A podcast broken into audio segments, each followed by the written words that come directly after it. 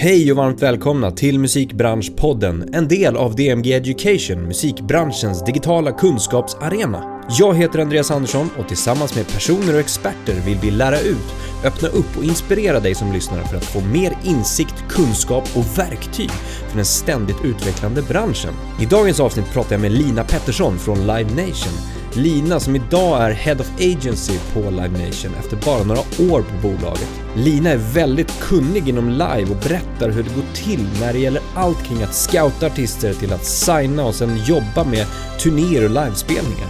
Vi pratar även om Linas bakgrund och vikten av att ha en bred erfarenhet med kunskap inom många områden som du kan använda dig av i din kommande karriär.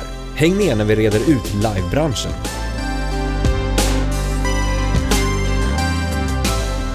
Lina Pettersson, välkommen till Musikbranschpodden. Tack, tack så mycket. Mår du bra? Jag mår eh, bra, absolut. Eh, jobbar hemma Ja. eh, och eh, ja, känner väl att det ska bli skönt med lite julledigt snart efter det här, det. det här året. ja. Vi pratade ju precis om det innan. Du hade en riktigt bra stol som du tidigt, tidigt Exakt. i mars hade Ja. budat hem eller Exakt, det hem. var ja, i början på mars där när det var vår, vår VD kom och sa att vi skulle jobba hemma i två veckor. Så, äh, men så tänkte jag och min sambo att äh, men vi budar hem bord och stol direkt så att vi sitter bra. Det, det, kan, det kan bli mer än två veckor, vem vet. Liksom. Ja. Så, att, eh, så blev det nio månader Mm. hittills. Så att, eh, det var ju tur att vi gjorde det. ja, men det är bra. Då Mm. eh, håller kroppen när man har, har Yes. bra ergonomisk arbetsposition. Exakt. Du, jag började fundera på, sådär, när vi bokade det här, så började jag fundera på sådär, när, när vi träffades för första gången. Och Då började jag söka Mm. lite i min mailkorg. Eh, för det är alltid intressant att se. Eh, och Då hittade jag våren 2018. Så Det var mejlade på jag... elverket. eller Ja, exakt. exakt. Ja, jag Jag mejlade dig och frågade så om vi skulle ta en kaffe. Ja. Eh, för att vi hade gemensamma bekanta. Eh, två personer som har varit med i podden, Revin och Thomas, Mm, sen tidigare. Men eh, vi, jag pratar ganska mycket med andra personer om så här, hur man kan kontakta andra personer som man inte riktigt känner, men hitta gemensamma nämnare. Liksom hur pass Mm. viktigt det är för att öka sina chanser till svar till exempel. Istället för att bara liksom kallmejla så kanske man kommer, kommer, kommer bort i mejlkorgen på något sätt. Mm. Eh, hur, hur gör du själv när du ska kontakta en person som du liksom inte känner eller har pratat med tidigare? Oj, vilket jag gör varje dag typ. Ja. Eller eh, inte nu kanske, men det är ju i, i min tidigare roll har ju det varit ett jätte, liksom, ja, eh, har ju det varit jätteviktigt eller något som jag gör verkligen varje dag eh, när man kontaktar nya kunder och sådär.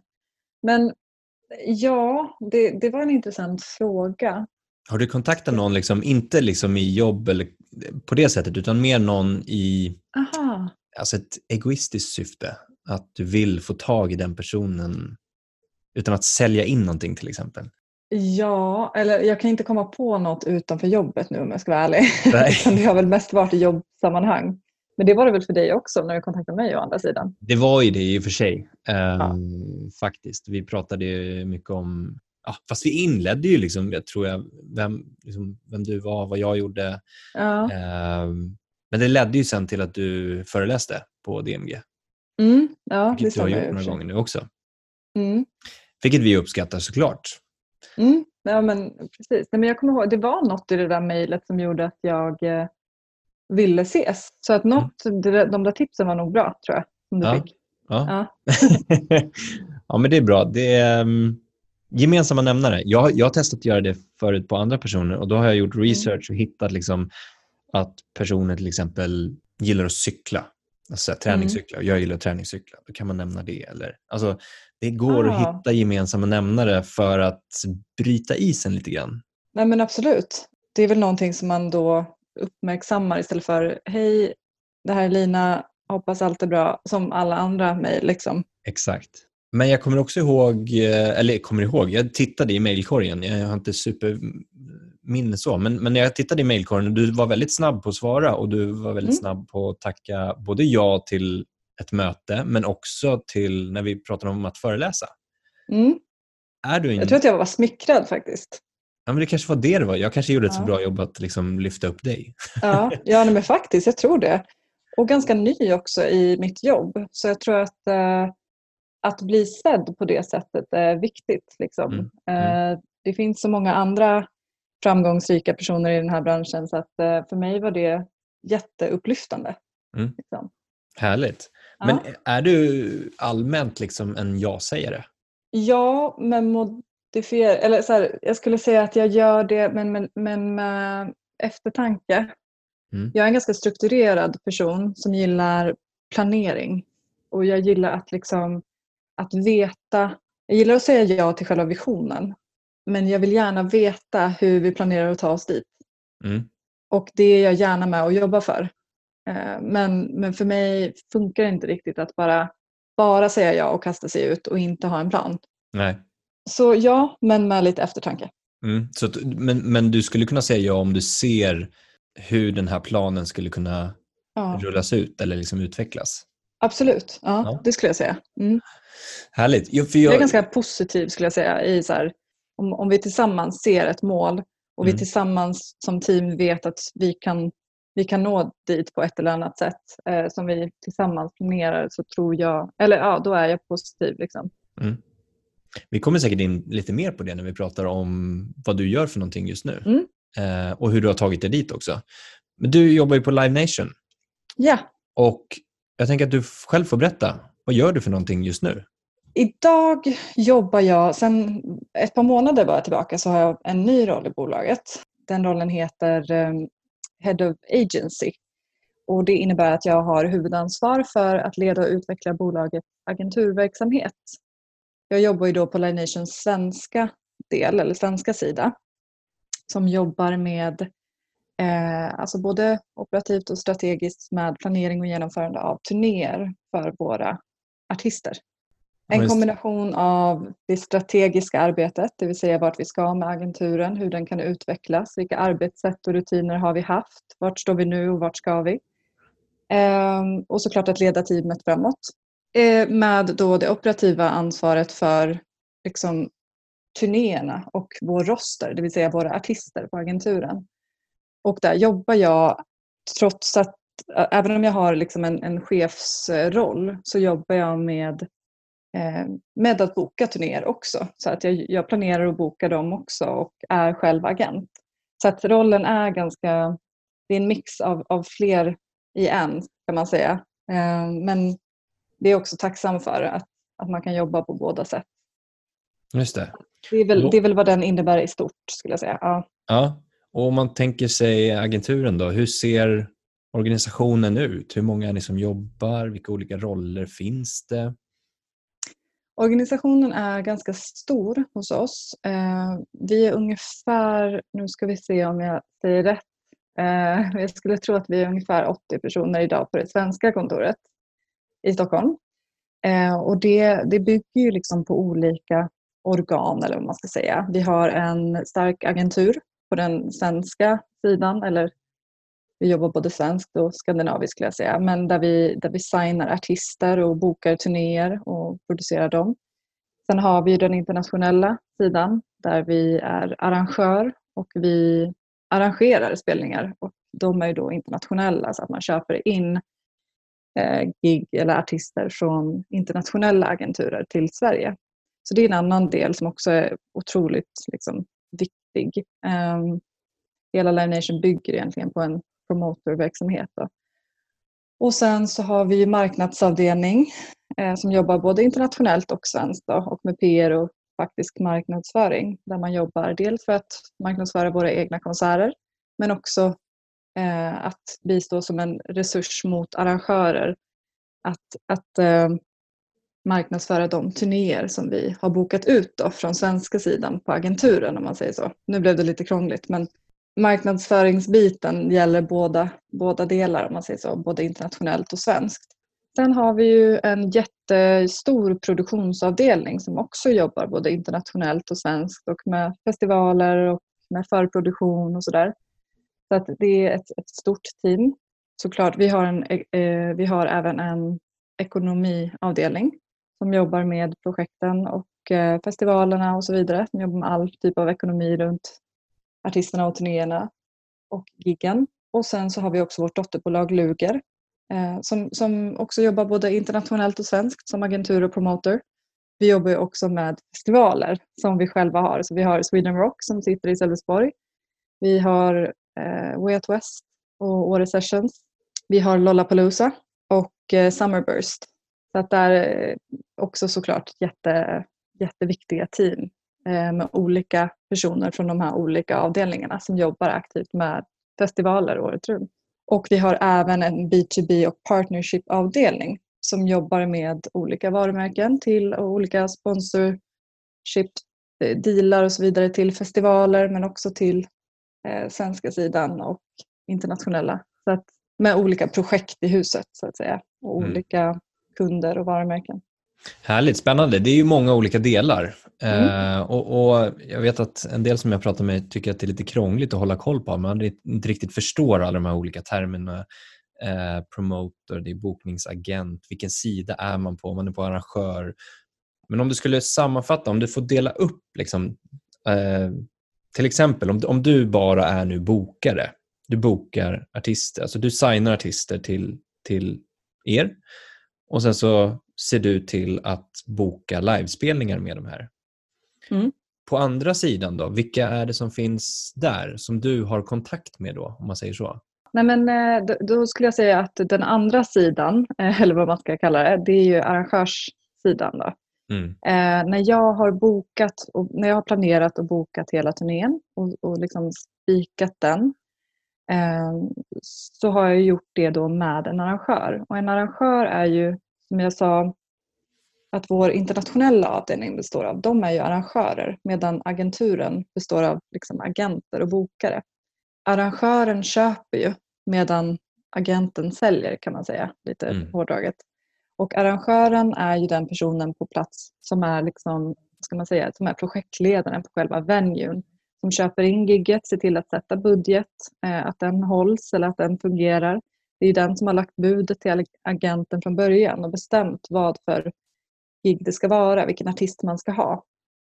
Se till att biljettförsäljningen sätts igång och att den rullar på. Eh, se till att liksom involvera alla personer på alla områden där de ska vara, det vill säga produktionen på plats, anställa dem, vilket kan vara tekniker eller entrépersonal eller säkerhet eller catering.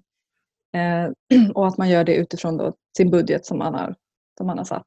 Och arrangören ser också till att, att allting funkar under genomförandet på själva gigdagen. Så att allting går som det ska. Och sen såklart också följer upp med agenten eh, med en avräkning. Hur har det här giget gått rent biljettförsäljningsmässigt och ekonomiskt? Och eh, var det några kostnader som ökade eller kunde sänkas på plats och så vidare. Så att man hela tiden, eller som man, att man efteråt uppdaterar agenten med resultatet. Då. Mm, precis. Och den eh, rollen du nämnde, promoter, vart placerar du denna för den som inte vet? Ja, förlåt, det är samma sak som arrangör. Mm. Och varför har vi olika titlar på det? Jag tror att det mer handlar om eh, eh det handlar om eh, ett internationellt tänk och ett Svenska och engelska? Ja, exakt. Så det är så ja. enkelt. Sen hör man ibland vissa, beroende på vilket bolag och vilka personer du pratar med, så kommer du höra liksom att vissa titlar används på olika liksom, roller, eller vad man ska säga. Så att det jag säger är en projektledare, det kommer någon annan säga är någonting annat förmodligen, Exakt. som jobbar på ett annat bolag. Ja. det där kan vara lite intressant, hur man benämner eller definierar olika roller mm. i branschen. Mm. Men då är det bra också om man, om man tänker sig någon utifrån sätt att, att förstå sig på det. Att det är inte en sanning i hela branschen att det, det är så, utan det kan, det kan vara lite flytande och man kan jobba på olika sätt. Mm. Eh, ja, men absolut. Men eh, du, vi ska komma in på din roll ännu lite mer och liksom vad, vad, som har tagit dig hit och så. Men vi, jag tycker att vi fortsätter där vi är mm. uh, just nu. Vi pratar ju om, det här är superintressant för någon, någon, någon som eh, vill veta mer om hur det faktiskt fungerar.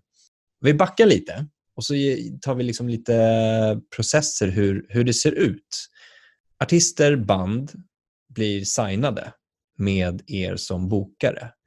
Hur går det till? Hur ser den processen ut? Är du ute och letar eller kontaktar de dig? Eller vilken avdelning är det som har hand om det? Ja, men det är agenturen, så det stämmer. Så det är ju de som jobbar som agenter som signar nya artister. Eller signar artister överlag, de behöver inte vara nya. Men, och det, det är lite både och som du säger. Det kan antingen vara att en artist kontaktar bokningsbolaget själv och agenturen och då agenten. Kanske för att man har hört att den agenten är bra eller att man liksom vill ha en bokare. Eller, ja, det, det kommer in ganska mycket förfrågningar. Så det kan å ena sidan vara åt, åt det, från, från det hållet. Eller att man, och vilket är en stor del av en agents jobb, det är att man är ute och letar själv. Och då gäller det liksom att hålla örat mot marken så att säga och vara uppdaterad på vad som släpps. Vad är det för ny musik som släpps där ute och vad är det för nya artister som dyker upp? Eller eh, vara liksom involverad i vad som händer i, på marknaden. Och ett sätt att, att eh, kunna göra det är ju att man har en, en ganska tät dialog med skivbolaget. Skivbolaget som då ska släppa musiken med de här nya artisterna eller kanske är de första att plocka upp de här nya. Eh, något man brukar ha då är ju, är ju möten helt enkelt med A&Rs på skivbolagen. Så mm. agenten och A&R kanske sitter ner och lyssnar tillsammans på vad som, vad som har dykt upp mm. eh, på senaste. Och huruvida agenten då är intresserad av att jobba med det eller inte, det kan man liksom ta med A&R. Eh, eller att man hittar någonting på Spotify eller vad det nu kan vara eh, som agent som man tycker låter intressant och sen så luskar man i det och gräver lite i vad artisten har för människor runt omkring sig och sen kan vidare kontakta kontakta antingen artisten direkt eller ett management till exempel. Mm. Så det, och, ja, och det, det arbetet är ju, det här scoutandet är ju en del av agentens huvudsakliga uppgift. Ja, precis. Där tänker jag också så här, kopplat till hur det ser ut idag. Alla artister passar ju inte att spela live heller. Alltså jag tänker mig en del artister kan ju streama supermycket mm. men har liksom inte byggt upp en, en live-repertoar på det sättet. Kan det finnas en inte en konflikt där i att man som artist vill ut men att du ser att så här, men det här fungerar inte. Det här, mm. liksom, du, du, streamar flera liksom, miljoner men det här passar inte på det sättet att, att ha en liveshow kring mm. eller att det finns inte material eller liknande. Mm. Absolut, Nej, men det händer. Absolut. Och Det har jag själv varit med om. Ehm, det, det kan vara att man, man också som artist tror att allt ska ske på ett visst sätt. Det vill mm. säga om jag skapar musik så måste jag spela den musiken live. Och för att göra det måste jag ha en agent eller en bokare som ser till att jag spelar live. Oavsett Exakt. om jag har fans eller inte. För att, och det är där det ibland kan krocka lite. Mm. För, att, för att kunna spela så måste du också ha fans. Mm. Eh, någonstans i grunden som du kan bygga. Och jag tror att en viktig del i det här arbetet att just ha, ha någonting som, som utmärker dig. Kanske inte bara musikaliskt men också profilmässigt. Vem är du och vad är det som gör att arrangören också ska köpa gigget? Eller liksom köpa artisten om man säger så. Ja. Eh, vad gynnar eller vad är det som också då gynnar festivalen till exempel genom att sätta den artisten på den här slotten den här tiden det är inte bara att släppa musik och sen ställa sig på en scen. Det funkar Nej. liksom inte så. Man får också tänka på att arrangören varje gång tar en risk ekonomiskt genom att, att, att boka artister. Liksom. Mm. Så att det, det, måste ske en symbios och eh, jag tror att det ena leder till det andra lite. Så att bygger man en profil, har ett starkt varumärke, bra musik som speglar just det så kan man bygga en fanbase och sen ta sig upp på scenerna. Mm. Men det är kanske i ett senare skede än vad många tror. faktiskt. Exakt. Alltså det krävs mer, mer jobb bakom helt enkelt, hos en del. Ja, det skulle jag säga. Men om man tänker nästa steg då. Om du hittar en match, alltså du känner att så här, det här, den här artisten är kanonbra, vare sig det är att den artisten har skickat in eller att du har pratat med, med A&R på skivbolag och den känner samma sak vad händer då? Eh, då signar ni den här artisten i form av ett avtal? Mm. Ibland inte. Ja, ibland inte. Ja. ja, nej precis. Alltså en överenskommelse behöver inte alltid vara ett påskrivet avtal på papper utan eh, i liveindustrin, vilket går ganska långt tillbaks vad, vad jag har fått höra i alla fall, så jobbar man relativt avtalsfritt, åtminstone när det kanske inte gäller stora förskott eller summor eh, som artisten då är förpliktigad att recoupa tillbaka till bokningsbolaget. Eh, men har man inte det, då är det egentligen ett, det bygger ju ganska mycket på att man har ett förtroende för mm. varandra. Att man, att man signar en artist och artisten signar med en agent för att man känner att det känns rätt. Och slutar det kännas rätt, då säger man ofta upp den överenskommelsen. Um, förutsatt att allting liksom på de ekonomiska planen är utrett. Liksom. Så att, nej, det är inte alltid avtal, ganska sällan. Och då, då kanske jag pratar om när man signar en ny artist som är ganska upcoming och då kanske inte har eh, fått ett större förskott säger vi. Men när det mm. gäller kanske lite större så kanske man har vissa olika avtal. Då. Men vad jag har varit med om under mina år så har det inte varit mycket avtal. Nej. Men ja, man signar då med, med agenten. Det är liksom nästa steg. Mm. Ses på ett möte och kommer överens. Och då pratar man ju också till exempel om vilken kommission man ska ta. Det vill säga vilken, hur stor procent av liveintäkterna går till bokningsbolaget, agenten. Eh, och standard brukar vara 15 eller 20 procent. Och då ingår då produktionsarbete i det, så både bokning och produktion ofta. Gör man inte produktion på bokningsbolaget inhouse så brukar det vara en mindre procent för endast bokning. Just det. Och det är något man behöver komma överens om när man signar artisten. Mm. Och då om vi tittar på ett, om vi går ner i praktiken, liksom att eh, det finns ju olika sätt att tjäna pengar på live, tänker jag mig. Dels om du får ett gage i form av en liksom, engångssumma eller om du har eh, per såld biljett till exempel, eller om du arrangerar ett eget evenemang eh, på en konserthus eller vad det nu skulle kunna vara, så säljer mm. du egna biljetter. Men, men eh, den här kommissionen, vad, är, vad, den, vad grundade sig den i? Vilken, vilken summa så att säga? Det är ju då, om man, om man kollar på, säg att jag som agent har bokat en turné med en artist. Och så på varje, på varje gig under turnén så har du ju oftast då ett garantigage. Vi säger att det finns ett garantigage per gig.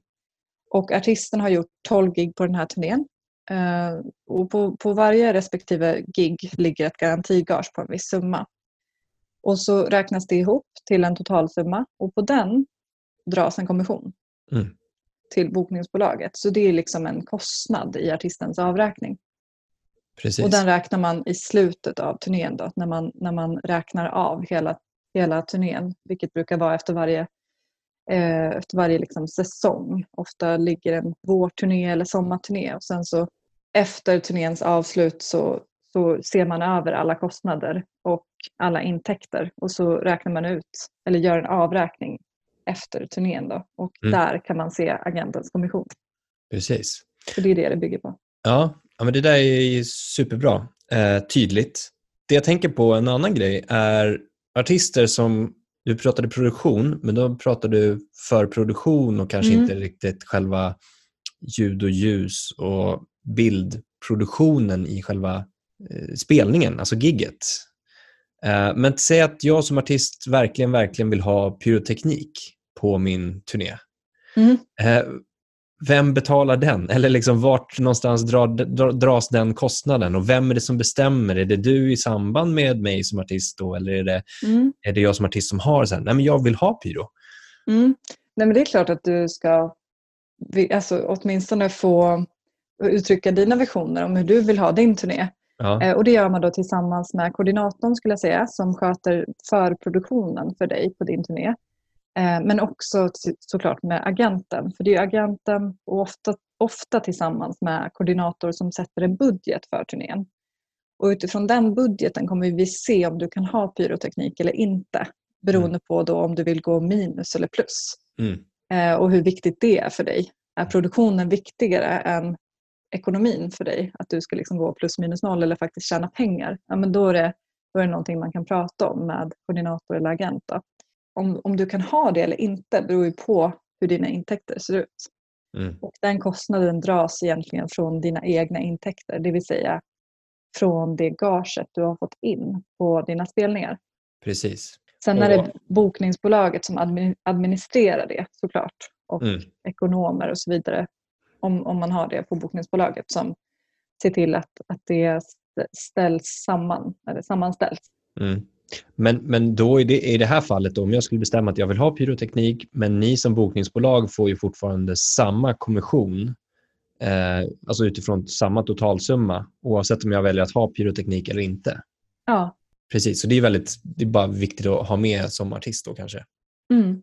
Hur ser det ut när ni väl sätter er ner och börjar planera inför att okej, okay, nu har vi en, en överenskommelse här. Eh, vi kommer boka livespelningar.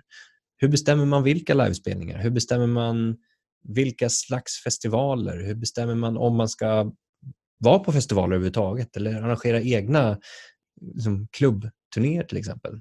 Vi pratade om att ett av agentens viktigaste arbetsområden är just att hitta artister, att signa artister och veta vad för ny musik som finns där ute så att man ska kunna signa. Eh, ett annat viktigt huvud huvudområde för agenterna är just att lägga upp strategin för turnéerna. Det vill säga vilka gig ska vi göra, när ska vi göra dem och varför. Mm. Och också då att ha koll på marknadsvärdet hos, hos artisten. Um, agenten har ju dagligen kontakt med de arrangörer ute i Sverige som arrangerar de här klubbarna eller festivalerna eller andra typer av liksom, konserter eh, som då ska köpa de här artisterna eller de här giggen av agenten. Eh, det gäller som agent att dels ha koll på historiken kring artisten. Vad har artisten spelat innan? För vilka summor? Eh, hur har det gått? Vad har det sålt för biljetter? Kan artisten sälja biljetter på egen hand eller är det liksom mer en festivalakt som tidigare kanske bara har spelat festival. Man har aldrig testat att göra en klubbturné eller att sälja faktiska biljetter. Så den historiken och det förarbetet är viktigt, speciellt när man precis har signat en artist för att se vart har vi varit någonstans, vart står vi idag? För att veta också såklart då vart vi ska framåt. Eh, och utifrån det någonstans och utifrån vad artisten vill, vilket mål man tillsammans sätter med artisten, vad man har för visioner och ambitioner, så kan man börja börja se vad, vad vi kan göra, alltså vart vi kan spela. Vilken typ av kapacitet kan vi, kan vi ha på spelställena utifrån vad artisten senast sålde på sista turnén. Vad händer framåt med artisten? Ett nytt album kommer på våren. Kan vi, kan vi på något sätt se att det ska kunna generera ännu mer biljettförsäljning på sommaren och så vidare. Mm. Så det gäller att liksom sätta ihop alla de här delarna. Det vill säga vart, hur har det sett ut innan? Kan vi utgå från det någonstans i ett nuläge? Vad kommer hända framåt runt omkring artisten som ger en USP, som ger ett, eh, en skjuts i karriären och i biljettförsäljning? Mm. Sen utifrån det då börja skissa upp en turnéplan. Precis. Och det är den som ligger till grunden för genomförandet sen också. Och Exakt. som kanske ligger till grund för det finns ju sådana som kallas för itinerary. Eh, mm. När man väl kommer ner på detaljnivå att genomföra turnén sen då? Vi ska inte gå in i minsta, minsta detalj. Vi ska gå vidare lite grann, tänker jag mig. Men du, vad, vad, skulle du säga personligen är det bästa, bästa med livemusik? Det här låter ju som en riktig klyscha och det här hör man ofta, men det är faktiskt det här mötet mellan artisten och publiken. Mm. Att se det. Och nu pratar jag utifrån ett perspektiv som jobbar med livemusik. Vilket är ganska naturligt såklart. Men jag tycker att, att, se, att se och höra publiken på plats, skrika, sjunga med, gråta, skratta, alltså hela den, det här känslospektrat som sker i publiken eh, på plats, det tycker jag är så jävla fint att se. Och det ger mig liksom rysningar när jag tänker på det. För att, eh, det är så här kvittot av vad artisten har jobbat för. Mm. Eh, när man har ställt sig på den där scenen och liksom får, får ut det här liksom resultatet av allt jävla slit. Och jag som har jobbat om, alltså runt omkring och bakom får också ett kvitto på att det har gett någonting. Det har resulterat i den här känslan hos publiken. Mm. Vilket är supervackert. Eh, hur klyschigt den kan låta. Och eh, sen tycker jag också om jag kollar tillbaka på vad jag själv kände mycket när jag liksom sprang på festivaler som yngre och innan jag jobbade i den här industrin. Och det är den här gemenskapen och tillhörigheten faktiskt som live-gig, alltså konserter och festivaler ger, som faktiskt ingen annan upplevelse, känner jag i alla fall. Och det är liksom att alla, oavsett vem du är eller hur du ser ut eller var du kommer ifrån, är där för samma syfte. Mm. Och det tycker jag är så jävla fint. Mm. Eh, de två sakerna skulle jag säga är de, är de bästa. Ja, verkligen. Jag håller helt med. Och i, jobbsyfte, jag har ju jobbat som turnéledare mm. eh, en gång i tiden och åkt väldigt mycket turnéer och sådär. Och, och, det är väldigt häftigt att stå bredvid eh, ett live-arrangemang där man ser liksom hur alla bitar faller på plats. Men mm. också precis det här mötet som du säger. När man står vid sidan av och ser mötet med artisten och publiken och hur, alltså på något sätt, det är jättesvårt att, att, att förklara, men man kan se utbyte, att de lyfter varandra ibland. Mm, när exakt. det verkligen matchar så är det så här, artisten levererar och publiken levererar också, vilket gör att artisten levererar ännu mer och blir som ännu mer ett och samma på något sätt. Ja, nej men exakt. Och gud vad jag saknar det när vi pratar om det nu, för jag ser det liksom framför mig. Och det är så här, ja det är verkligen det här utbytet som du säger att för artisterna är ju inget utan fansen och vice versa. Nej. Och jag menar det finns typ inget annat liknande. Alltså vad, vad annat kan du likna livekonserter med? Nej, det är, det, det är ju så mäktigt. Det, ja. det är något helt annat. Um, men sen tänker jag också på en annan del att eh, när man har stått bredvid så har man sett artisten ha, alltså artisten har ibland dåliga dagar eller liksom levererar lite mindre eh, från början men får den energin från publiken att så här, den är så professionell så att den levererar ändå. Mm. Och publiken lyfter så att artisten kommer in i något slags mode och kommer tillbaka till att verkligen, verkligen liksom, ja, strunta i den här dåliga dagen. Mm. Um, så det, det, är så, det är sådana effekter som sker på något sätt. Det är jätte, ja. jätte, jätteballt. Verkligen. Nu blir vi väldigt eh, sentimentala nästan. Hur, ja. Vi saknar livemusik, men det gör man ju. Verkligen. Kopplat till det, alltså genomförande av ett live-gig. Har du någonting som är, eller har du något så minne av, det här var det svåraste gigget som du genomförde? Det är svårt. Alltså jag sitter ju som sagt inte på arrangörsstolen idag i alla fall. Idag ja, i, min, i min roll på, på bolaget jag jobbar på så arrangerar ju inte jag spelningar utan jag jag jobbar ju liksom med att ja, planera och gen, alltså sälja turnéerna om man säger så. Planera upp turnéerna och se till att de genomförs. Så att utifrån det perspektivet har jag väl Alltså det, det kan ju vara allt ifrån, nu, jag kan inte nämna kanske ett specifikt exempel, men det är allt ifrån att bandets bil får punka precis alltså på vägen till gigget och det finns liksom ingen täckning. Mm. Eller att eh, någonting gå sönder på scen vilket gör att utljudet blir helt fuckat under hela gigget. Eh, det kan vara att någonting händer med publiken på plats, att någon gör illa sig eller får liksom åka till sjukhus. Det kan vara att eh, budgeten totalt spricker. Det kan vara att ett band har crashat ett hotellrum. Mm. Eh, alla sådana saker försvårar mitt jobb något mm. oerhört.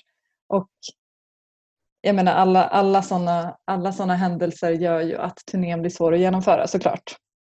Eller att resultatet inte blir som man har tänkt sig. Och det är väl en, en viktig egenskap jag ha, alltså, har tagit med mig i den här branschen eller ur den här industrin och att jobba med det jag gör är att allting är oförutsägbart och föränderligt när man mm. jobbar med, med livemusik eh, och med gig. Du jobbar ju dels med människor och dels med liksom, kreativitet.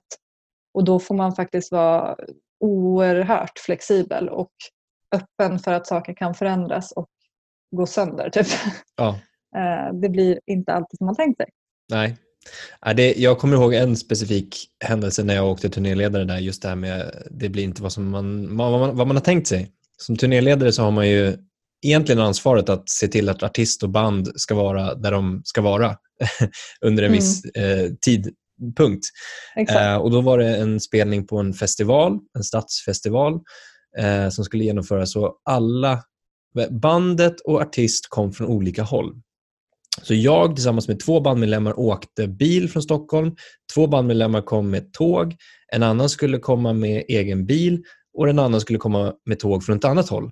Mm. Eh, och Den stressen inför visste man ju som turnéledare att det här kommer gå käpprätt. För att det, det, det, det, finns så många olika parametrar som skulle kunna fallera i det här.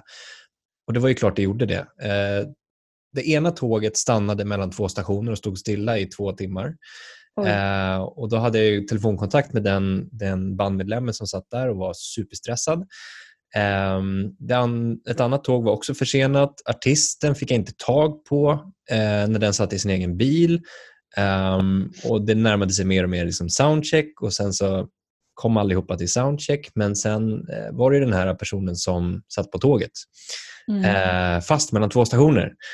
Och Tiden bara tickade och tickade och tickade. tickade. Eh, var inte med på soundcheck och sen så började det närma sig eh, spelning. Och Jag hade liksom ständig telefonkontakt med personen. Och personen sen så började det rulla. Personen hoppade av nästa station istället för att liksom riskera att åka vidare och sen skulle stanna igen. Hoppa av i nästa station, hoppa in i en taxi eh, och taxin körde från den här stationen till eh, den här nya staden som det var. Då. I taxin så får eh, bandmedlemmen dels byta om, sminka sig, sjunga upp. Eh, personen körde blås, så att spela, eh, spela in trumpeten eh, vilket man behöver göra innan livespelning. Så taxichauffören satt där och fick en liksom, trudelutt. um, men det slutade med att eh, fem minuter innan gig, och då hade jag kontakt med artist och band och Då var ju artisten väldigt nervös. Och så här, men när, kommer, när kommer den här bandmedlemmen? Då? Jo, men det, det är på gång. Det kommer lösa sig. Ingen fara. Um, så jag berättade inte för att stressa upp artisten att det här, det här kan bli, eventuellt bli att artist, den här inte hinner. Eh, men det slutar med att artisten, uh, den här bandmedlemmen kommer fem minuter innan spelningen ska genomföras, flyger ut genom taxin jag möter och liksom väska och skor, kommer upp och artist och band står redo i trappan upp till scenen uh, och hon kommer och bara ja, då kör vi. Och Sjukt professionell, levererade hela spelningen, sen cool. andas ut. Fan vad häftigt. Du gjorde ju ett enastående jobb där som turnéledare. Att att jag menar, ett av, ett av, en av dina viktigaste uppgifter är ju att också hålla övriga i crew och artist lugn. Att du har koll på läget och att du är lösningsorienterad. Precis. Det är ju jätteviktigt. Så fan, cred till dig också. Ja, men det, det, det gick till slut i alla fall.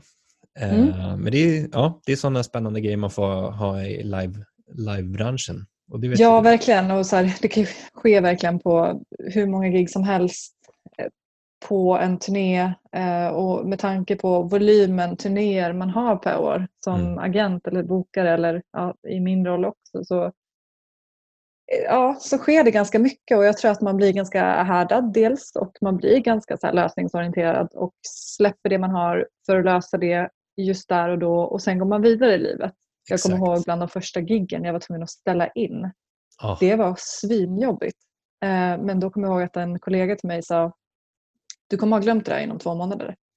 Och jag bara nej, nej det kommer jag inte alls. Alltså, det här är så jävla tungt. Hur ska jag liksom så här, för jag har precis, det är samma dag som gigget ska vara. Jag ringer arrangören och de håller på att fixa på plats och personalen är där. Och, och så ska jag berätta att artisten är sjuk. Så jag menar, det är inte mitt fel. Det är inte såklart något jag kan stå till svars för eller vara ansvarig för. Men att, att liksom behöva göra den grejen. Det var dessutom två gig på rad med samma artist. Eh, så det var liksom dubbelgig då för det ena var utsålt. Så att det har gått superbra och det, var ett, det skulle bli fantastiskt och arrangören var så peppad.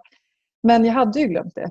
Eh, det är klart jag har inte glömt det för jag pratar om det nu. Men jag menar käns det känslomässiga i det var glömt efter två månader ja, man måste liksom gå vidare till nästa och man mm. måste se till att lösa saker. Jag menar, med åren så blir det vardagsmat och man får bara se till att det, att det går. Man får inte lägga så mycket känslor i det alltid.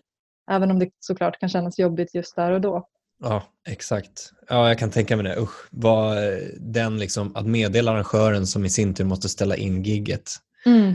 Uh, och Jag kan tänka mig att du kanske började tänka om du har den känslomässiga kon kontakten och där sett artisten förmedla musik till publiken. Att du tänker på publiken. Ja, ja absolut. Hur besvikna ska de bli? Hur ska vi göra det här? Exakt. När kommer vi kunna genomföra det här giget nästa gång? Mm. Alltså att man börjar tänka i de banorna också kanske? Mm, ja, för ofta vet ju heller inte publiken, den som har köpt biljett vet kanske inte vad, alltså vad orsaken alltid är bakom och då kan skylla på fel person för att de blir liksom ledsna. Och, Mm. ja, det där kan vara lite jobbigt. Det kan ge ett dåligt PR-värde mot artisten eller mot bokningsbolaget eller arrangören. Mm. Så att, eh, ja, det kan vara lite klurigt. Men jag tänker att det kan vara både, alltså egentligen ganska bra på ett sätt om du kan balansera att du är så pass engagerad. För att då hittar du förhoppningsvis då de bästa lösningarna och Mm. att alla egentligen blir nöjda på något sätt, till, till den mån det går. Absolut. Eh, Det gäller... Att man inte bara är hårdhudad och liksom Ja. helt, det bara rinner av helt och hållet. Så bara, ah, nej, vi ställer in, eh, Ja, vi skiter i nej. det här. Nej, exakt. Alltså jag menar, det gäller att hitta en, en balans som med allt annat i livet såklart. Men en balans i att faktiskt ha kvar känslan någonstans för det Mm. man håller på med. För den är ju viktig. Den passionen är viktig och den drivkraften gör att man gör saker lite bättre. Exakt. Jag menar, om, om något känns så betyder det att man bryr sig, tänker jag. Mm. Och den är viktig att, det är viktigt att hålla kvar vid det. Mm. Eh, oavsett hur mycket man jobbar med någonting som man älskar. Så att det inte bara blir som du säger hårdhudat och byråkratiskt. Mm. Eh, och jag tror att jag, liksom mina andra branschkollegor och, och alla i industrin har fått känna av det det här året framförallt. När vi har fått ställa in i princip ett helt år. Eller Mm. flytta, flytta framåt. Men du, vi går in på det. Du ledde in på den, det eh, avsnittet i, i eh, liveindustrins livstid, eller vad säger man? Eh, pandemin, hur det har påverkat branschen. Eh, det vet ju alla att det har påverkat liveindustrin extremt, extremt mycket och allt har fått ställas in. Men vad, det finns ju liksom olika effekter av det här också som kanske kan resultera i någonting framöver, tänker vi oss också. Det kan vara andra... Ja, men dels så, så har vi ju massa olika personer, bolag som har drabbats, absolut. och Det är super, super hårt. Um, men det finns också någonting man kan ta med sig kanske att man bör kunna tänka om, tänka nytt, förnya framåt. Vad ser vi framåt i det här? Ehm, och istället för att vi fokuserar på liksom det som har varit, det har varit tungt, det har fått ställas in. Om vi blickar framåt istället då. 2021, nu kommer ju förmodligen vaccineringen börja. Ehm, vi kommer förhoppningsvis, det vet vi inte än, se någonting kopplat till live framåt. Men hur, hur ser du på ja, men våren, sommaren, nästa höst eh, utifrån liksom ett livebranschperspektiv? Det är svårt att säga exakta perioder. Eh, Jag får den frågan nästan varje dag. Så, Blir det Mm. något till våren eller vad tror du? Sommaren eller hösten? Eller kollar vi på 22? Mm. Eh, Det är klart att det där, det där skiljer sig också lite på, alltså det skiljer sig beroende på vad man kollar för storlek på evenemang eller vad man kollar för, liksom, kollar vi på att flytta ytterligare en turné eller kollar vi på att faktiskt boka en ny turné? Och de situationerna är lite olika. För har man flyttat en turné redan tre gånger eller fyra eller fem, hur relevant är den 2021 eller 2022? Då kanske man bör tänka om i sin strategi. Men sen att boka upp någonting nytt är lite svårt att säga just för eh, perioder. Så. Alltså vilken period man ska kunna sätta igång och inte. Men en, en sak som jag dock tror, eller en sak som jag är ganska säker på är att artisterna, bokningsbolagen och arrangörerna och alla andra aktörer i den här branschen är redo när vi väl får vara det. Något som har skett, tycker jag, under det här året har varit liksom att vi har varit tvungna att lösa, alltså vara flexibla och att vara det väldigt snabbt beroende på vilka restriktioner och vilka, vilken information som har kommit från myndigheter och regering och sådär på väldigt kort, alltså med väldigt kort varsel. Man har fått jobba kanske i ett sex veckors perspektiv istället för sex månader som normalt sett är ganska, är normalt sett ganska långa ledtider inom live. Eh, att man har fått lösa situationer utifrån vad man får och inte får göra på väldigt kort tid då, med andra ord. Så, så kommer det även bli inför 2021 när vi väl får besked om vad vi, vad vi kan och vad vi inte kan eller får göra. Så kommer vi ha en, ett, en scenarioplanering utifrån det. Det är jag Mm. ganska säker på. För det jobbar vi, i alla fall vi med och jag vet att många andra bolag också jobbar med. En planering utifrån olika scenarion som vi tror kan vara ganska realistiska.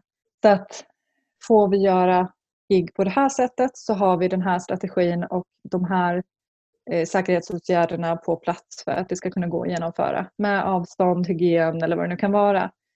Um, sen beror det på, jag menar är det så som det nu ser ut eller om man vågar hoppas i alla fall på att eh, vaccineringen är, blir så pass omfattande under våren, men då kanske vi står i ett annat läge i april-maj 21 inför sommaren 21. Men det där är också svårt för att någonstans måste man också kika på någon slags deadline. Någonstans börjar kostnader att blöda i projekten. Eh, säg att en artist har en turné eh, och så börjar man repa på våren någon gång och det börjar liksom ja, det börjar kicka igång lite kostnader. Eh, man måste också marknadsföra, man måste se till att biljetterna säljs och så vidare. Allt det här är ju liksom kostnadsfrågor som om man kollar på en sommar då sker under våren. Mm. Så det går inte att i juni bara så nu, nu får vi göra alla de här giggen. Att det då utan konsekvenser ska kunna bara ske. Utan det, det, måste liksom, det måste vara i synk med någon slags planering under våren. Men överlag, alltså jag tror ju verkligen på live. Alltså jag tror ju på att vi kommer komma igång igen. Det kommer ta ett tag för alla att komma på fötter, absolut. Men det kommer komma ett uppsving igen. Det finns en anledning till varför det har varit en så stark marknad tidigare. Eh, sen är det såklart att vi måste göra vissa justeringar och man måste anpassa sig. Det var ingen som var beredd på att en pandemi skulle komma och släcka en hel industri. Eh, och då får man hitta nya digitala lösningar till exempel på vissa typer av evenemang. Och det kanske är någonting vi kollar på framåt. Är VR någonting som, som vi behöver kolla på till exempel? Alltså det, det, det startas mycket liksom innovativa bolag nu och folk hittar på digitala lösningar på saker. Men jag tror ändå på live, det, det vill säga det fysiska mötet som vi pratade om innan. Och jag mm. tror att det kommer liksom blomstra igen undersökningar som vi har gjort bara häromveckan har visat på resultat som är otroliga i hur mycket folk längtar och vill tillbaka till live. Och även hur, hur pass stor, stor procent som håller kvar i sina biljetter. Mm. För att man tror på live. Mm. Så det är ju en enormt så här, bra indikation på att det kommer komma tillbaka. Mm. Och sen är såklart alltså pandemin och vax, vaccinering och så vidare, det är förutsättningar för att vi ska kunna göra det. Men att det kommer att komma tillbaka är jag säker på. Mm. Är artisterna redo också, precis som ni, i de här olika scenarierna? Är de redo att så här, pang, trycka på knappen så kör vi? Många skulle jag säga är det. Det finns ju jättemånga som har utifrån de här förutsättningarna vecka efter vecka spelat i olika, liksom, vad ska man säga, man har, haft, man har varit stått redo att gå ut och spela bara med en gitarr eller med en triosättning eller digitalt eller ja, och så vidare. Så att när det fanns ett så kallat trubadurundantag då kunde man göra dinner shows där man mm. spelade mm. på scen samtidigt som folk satt ner och åt. Eh, eller att man spelade liksom för 50 pers då när det var den gränsen. Eh, eller ja, att man spelar på liksom olika typer av restauranger och så vidare. Så att de har ju stått startredo i olika scenarion hela tiden beroende på vad, vad man har fått göra och inte fått göra. Mm. Och då har man på så sätt kanske åkt ut med en väldigt enkel produktion för att dra ner sina kostnader just för att arrangören kanske inte har kunnat betala lika mycket och sådär.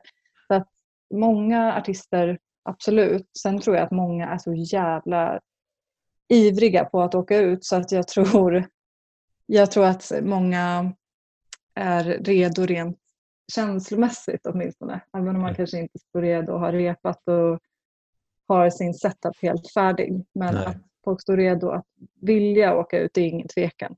Det här med eh, smittsäkra evenemang också. Det är ju liksom någonting som man, ja, vi får väl se liksom hur det går till. Kommer det, kommer det vara krav på att man är vaccinerad för att ta sig in eller behöver man liksom bevisa det? Eller att man har antikroppar eller sådana saker. Det, jag mm. lyssnade på ett, ett avsnitt av P3 Dystopia. Mm. Jag vet inte om du har lyssnat på den någon gång? Ja, absolut. Massor. Massor, ja. Det, den går varm hos mig också. Um, och där har vi ett avsnitt som heter Efter pandemin. Mm. Där de ger exempel på hur man får, eller inte får, hur det kan påverka den, liksom, den fria, hur man fritt får röra sig i mm. olika eh, liksom delar av en stad till exempel beroende på om du är vaccinerad eller inte vaccinerad eller om du kan visa det i form av något liksom, vaccinationskort och, så där, och hur det sker digitalt via appar. Det, det är väldigt liksom, out there och väldigt, mm. väldigt liksom, dystopiskt. Uh, men det är någonting som skulle kunna faktiskt utvecklas. Att ja, men, Du får inte komma in här eller du får inte köpa en biljett om inte du kan visa upp det här och det här och det här. Mm. Um, vilket är lite läskigt att tänka på. Då slut, utesluter man en del grupper på något sätt också kanske. Uh, mm, det blir inte alls samma frihet såklart men jag tror att kraven kommer kraven som ställs på arrangörer kommer vara annorlunda i framtiden och mm. förväntningarna mm. från biljettköpare och konsertbesökarna kommer vara annorlunda. Så att det kommer, ja, förändringar kommer ske. Sen exakt vad och hur, det vet jag inte. Men någon form av digitalisering kanske. Eh, mm. Som du säger, ett sätt att kontrollera huruvida folk är friska eller sjuka. Eh, kanske digitalisera entréer, eh, biljetthantering för att mm. undvika fysiska kontakter eller restauranger, kösystem, barer. Alltså, ja, det finns nog en hel del att kolla på. Jag menar, en att logistiskt jobba med en festival till exempel idag är ju inte helt problemfritt. Så jag tror att vi, vi liksom många andra arrangörer och aktörer ute i branschen är tillräckligt, liksom, vad ska man säga, innovativa. Vi måste vara det. Mm. Så att jag tror inte det kommer vara ett problem när vi väl kör igång. Eh, och jag vet ju, vi som stort bolag som jobbar med mycket festivaler, stora festivaler och evenemang, jobbar ju aktivt med det här i olika arbetsgrupper och med myndigheter och med scenarioplaneringar och uppstartsgrupper så att säga. Så jag kan inte säga så mycket om det idag men jag vet att ett arbete görs. Mm. En enormt omfattande planering för hur vi ska kunna öppna säkert när vi kan.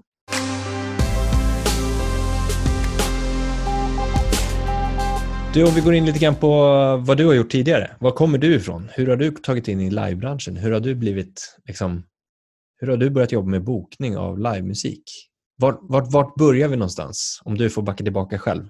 Vi börjar nog någonstans i en by som heter Skinnskatteberg i Bergslagen. Jag tror Vissa kan nog känna igen det. De som åker skidor kan förmodligen känna igen det för att vi har en sportbutik där som har en enormt stor skid... Eller jag vet inte om den är stor men av någon anledning är den väldigt populär. Jag åker själv inte skidor så men det, där, där vi har en skidrea eh, som är väldigt poppis. Antingen det eller en folkhögskola alternativt skulle säga typ så här punk, gammal punk och hardcore liksom i Bergslagen. Kanske man har lite koll på jag kommer därifrån och jag skulle väl säga liksom att min musikresa, eller vad man ska kalla den, den började någonstans i högstadiet. Ehm, där jag var en missnöjd tonåring som gillade skatepunk och eh, fann ett enormt intresse för, ja, för musiken och hittade också livemusiken där. Började åka på gig, plankade in på festivaler. Jag, alltså jag var borta hela, hela tiden just för att kunna se gig Alltså med, med, artister som jag älskar, med musiken som jag verkligen brann för. Och någonstans där så, så började jag, ja men jag och en, en kompis vi började arrangera lite själva. Just för att eh, vi insåg att det också går. Eh, hade såklart ingen plan eller er, noll erfarenheter eller kunskaper men vi tänkte väl att om vi vill se den här akten live så skulle vi kunna arrangera det själva egentligen. Och så gjorde vi det. Jag menar, det började någonstans där som, hel, som ledde till olika liksom, tillfälligheter som ledde till någonting annat. Så det är, som det alltid är i livet, någonting ledde till någonting annat som gör att jag sitter här idag och gör det jag gör. Men jag kan väl säga att min liksom, historik har varit ganska bred. Jag har jobbat med mycket olika saker som inte nödvändigtvis behöver röra musikbranschen alltid men det har alltid funnits en koppling till musiken på ett eller annat sätt. Antingen att jag har jobbat ideellt på sidan av med liksom, musik eller att jag har eh, liksom, fått in musiken i det jobbet jag har gjort även om det från början inte handlade om musik. Så att, jag menar, den, denna, det har funnits som en röd tråd genom hela min karriär även om jag har jobbat med restaurang eller med eh, vad det nu kan vara. Liksom. Mm, mm. Så att eh, det började där i Skinnskatteberg och ledde till olika utbildningar ute i Sverige på olika, i olika städer. Pluggat både musik men ganska mycket marknadsföring också eh, som var min högskoleutbildning. Och jag var ganska säker på att jag skulle skriva, att det var det som var min grej. Jag skrev mycket både på frilansbasis och på, på, som anställd faktiskt på tidningar. Men insåg väl efter tid att det, det var ju kul för att det var ofta kopplat till musik. Jag ville bli musikjournalist och det utvecklade mig på ganska många sätt men det begränsade också mig på ganska många sätt. Jag tyckte att sättet som eller jag insåg väl att jag gillar att skriva när det är kreativt, när jag får vara ganska fri. Men så fort det börjar ske, det börjar vara ett, ett ramverk för hur jag ska skriva så blir det inte lika kul. Och jag insåg att det kanske inte är vad jag ska satsa på professionellt. Och det ledde mig tillbaka till live helt enkelt. Från då när, när jag var liksom i Skinnskatteberg och började arrangera spelningar. Det ledde tillbaka till, den, till det helt enkelt. Mm. Um, så jag började boka började boka framförallt upcoming akter, eh, lite klubbar, DJs, alltifrån jazz till pop till rock. Till slut hamnade jag på Live Nation då jag insåg att så här, men det här går ju faktiskt att göra på en ganska liksom, hög nivå. Om man säger så, på, mm. på ett stort bolag. Så det var ju en dröm för mig. Och sen sökte jag jobbet och fick det. Och det var helt otroligt för mig. Nu... Vad tror du var som avgjorde att du fick jobbet? Jag tror att det hade mycket med historiken att göra om jag ska vara ärlig. Att så här, jag hade jobbat med sälj till exempel tidigare. Jag hade jobbat med musik men ofta ideellt. Eh, jag hade erfarenheter av olika fält inom branschen även fast jag kanske inte ens hade varit i branschen. Mm. Det visar på en, en, ett engagemang och en ihärdighet tror jag som är intressant hos när man ska anställa en agent eller en bokare. Att man är flexibel, man är mångfacetterad, du är duktig på olika typer av saker men framförallt du har en passion till musiken i grund och botten. Sen råkade jag vara en, en duktig säljare på det så det passade väldigt bra in i den rollen de sökte just då. Eh, sen hade inte jag sålt gig tidigare men jag hade köpt, jag hade arrangerat. Jag kunde se den sidan av, av liksom branschen. Jag har själv spelat musik så jag kunde se den sidan också. Jag älskar att gå på konsert så jag är själv en biljettköpare. Jag tror att alla de bitarna liksom spelade, spelade roll, även om jag själv inte hade sålt spelningar. Men däremot hade jag sålt annat och då har man en viss liksom, säljgrund. Jag tror att det var olika parametrar som stämde liksom, i att jag fick rollen. Det är jätteviktigt att lyfta och, och, och, jag tror att det är väldigt viktigt för många att höra det där att den samlade erfarenheten från, det behöver inte vara specifikt från musikbranschen, har faktiskt skapat den du är idag och, och har gjort de, eller har fött de möjligheterna. Verkligen. Eh. Mycket, oavsett vart jag har jobbat tidigare i livet eller vilka projekt jag har varit involverad i eller vad det nu kan vara har ju ofta inneburit en, en relation till andra människor. Det vill säga mm. att man bygger, man skapar nya relationer, man bygger dem och upprätthåller ett förtroende mellan varandra. Och det här är ju liksom, för mig åtminstone en nyckel, en, en nyckel nyckelgrej. Eller vad man ska säga. Alltså det, det är en nyckel i att kunna sälja liksom, i den här branschen. Att kunna ha förtroende mellan agent och arrangör. Att ha det mellan artist och agent när man ska signa, när man ska liksom jobba tillsammans. Så att förtroende och starka relationer och långsiktiga relationer som just bygger på tillit är så jävla viktigt. Mm. Så oavsett vart jag har jobbat eller med vad, som du säger, det behöver inte vara i musikbranschen, har ju lett någonstans till det. Vilket väger in i det jag gör idag och att jag kunde få jobbet överhuvudtaget. Mm.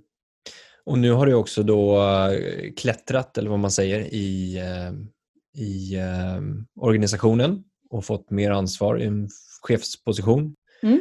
Om du får sammanfatta, vad tror du du befinner dig om tio år? Det, det är svårt. Jag menar bara på mina nu fyra år i bolaget, strax över fyra år, så har hänt, det har hänt så otroligt mycket. Det har varit olika team som har byggts upp. Organisationen i sig är så enormt förändrad mot vad den var för fyra år sedan. Alltså det lovar jag. Och det sker en utveckling i en takt som jag liksom som jag vet inte har skett tidigare i liveindustrin Mm. mot vad jag har hört hur det har varit. Det har varit en ganska traditionell, gammalmodig bransch väldigt, väldigt länge och nu sker liksom ett skifte som jag tycker är jätteintressant. Mm. Så vem vet vad jag är om tio år? Alltså, förhoppningsvis jobbar jag fortfarande med det jag, det jag gör idag.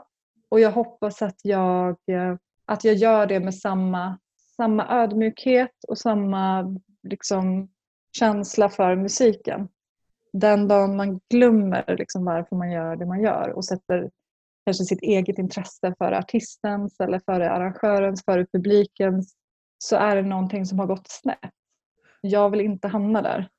Eh, Så jag hoppas att känsla för musik, passion för musik, fortfarande ha en ödmjukhet, aldrig glömma varför jag gör det jag gör och att fortfarande jobba med livemusik. Det är väl någonstans vad jag hoppas om tio år. Mm. Men exakt vad, det är ju skitsvårt att säga. Ja, men det var ju jättebra sammanfattat.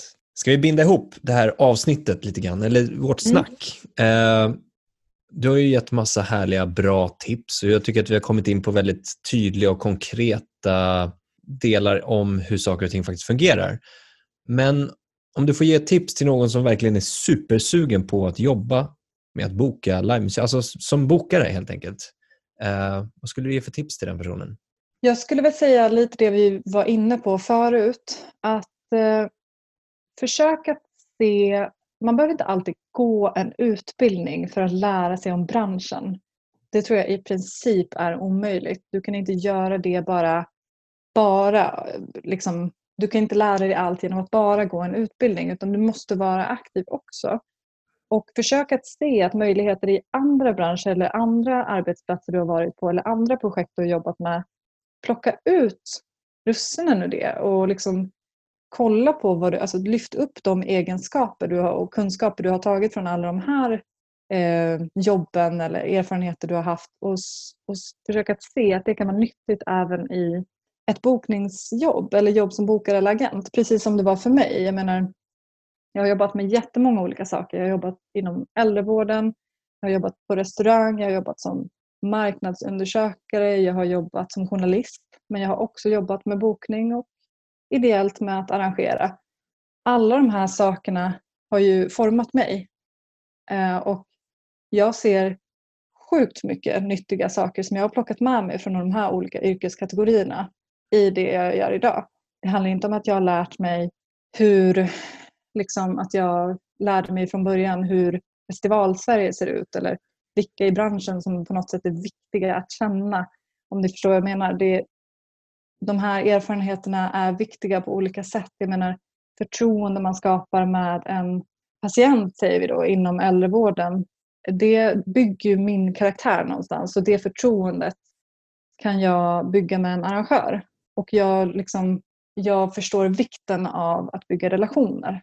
Um, försök att vara liksom, försök att se att du inte är begränsad för att du har jobbat med många olika saker eller inte jobbat i musikbranschen innan. Försök att se det som en möjlighet istället. Sen det, det som vi också pratade om tidigare, försök att hålla hårt i den, den passionen som har drivit dig till dit du vill eller dit du är. Det vill säga musiken.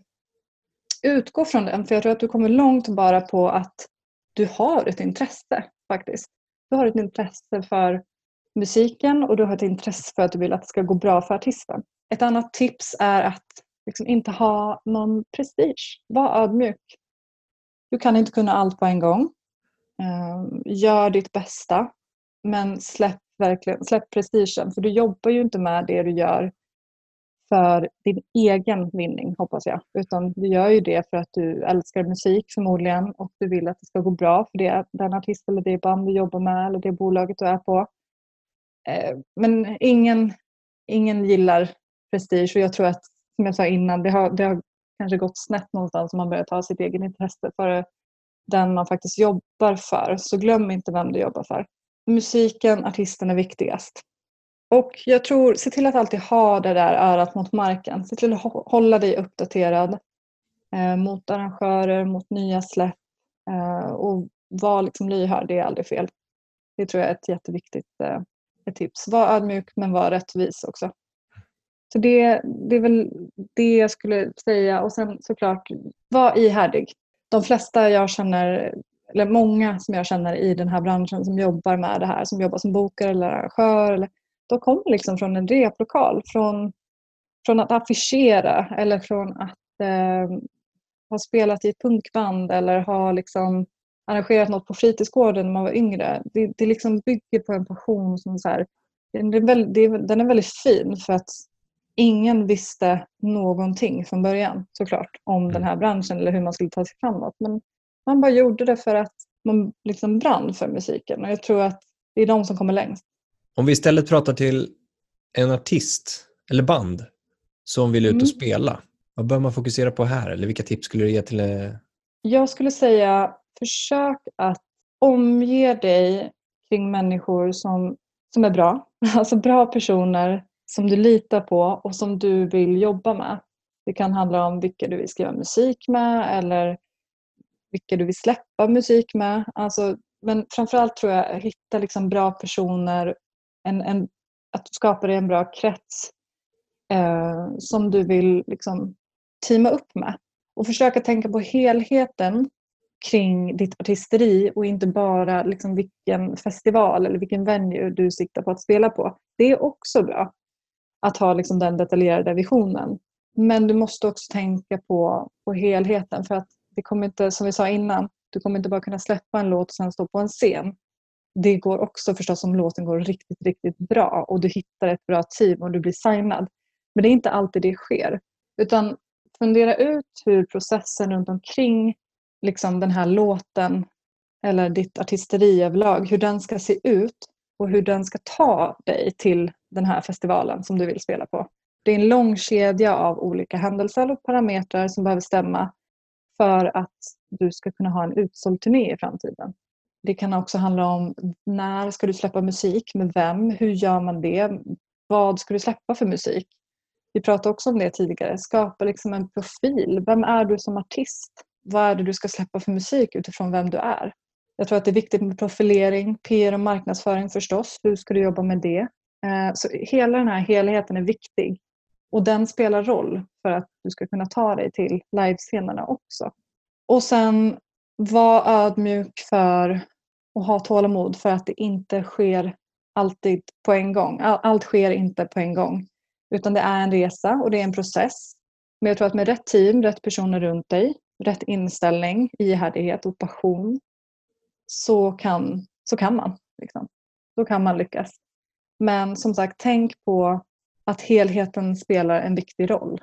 Lite det vi pratade om innan Andreas, att så här, ibland så får jag uppfattningen om att man tror att man ska kunna, eller man, man har en viss bild av hur den här världen ser ut och att det ska liksom på en gång bara ske. Att så här, ska jag spela live då måste jag ha en agent. Egentligen skulle man kunna boka sig själv till en början för att man vet någonstans här hur man kan sätta igång. Eller att nu har jag en låt, men då måste jag spela live. Men det är mycket som ska, det är mycket som ska klaffa innan det. Liksom. Mm, exakt. Ja, superbra. Alltså, jättebra tips här nu. Eh, ta till er dem, ni som lyssnar, och, och var den här målgruppen som vi riktade till. Lina, supertack för ett jättebra snack och för att du tog dig tid att förmedla all den här kunskapen, måste jag säga. Tack själv. Det var jättekul. Det är alltid kul att höras med dig. Tack för att ni är så många som lyssnar på podden. Det är ni som gör att vi kan fortsätta. Prenumererar du inte på podden så är det hög tid att du klickar på den lilla knappen nu. Vill du lära dig mer? Ansök då till någon av våra onlinekurser, Music Business eller Independent Artist. Här får du träffa och lära dig av branschexperter, du får personlig coachning och utveckla dig själv och din karriär. Ansök på dmgeducation.se senast 12 februari 2021. Ta hand om er så ses vi i nästa avsnitt.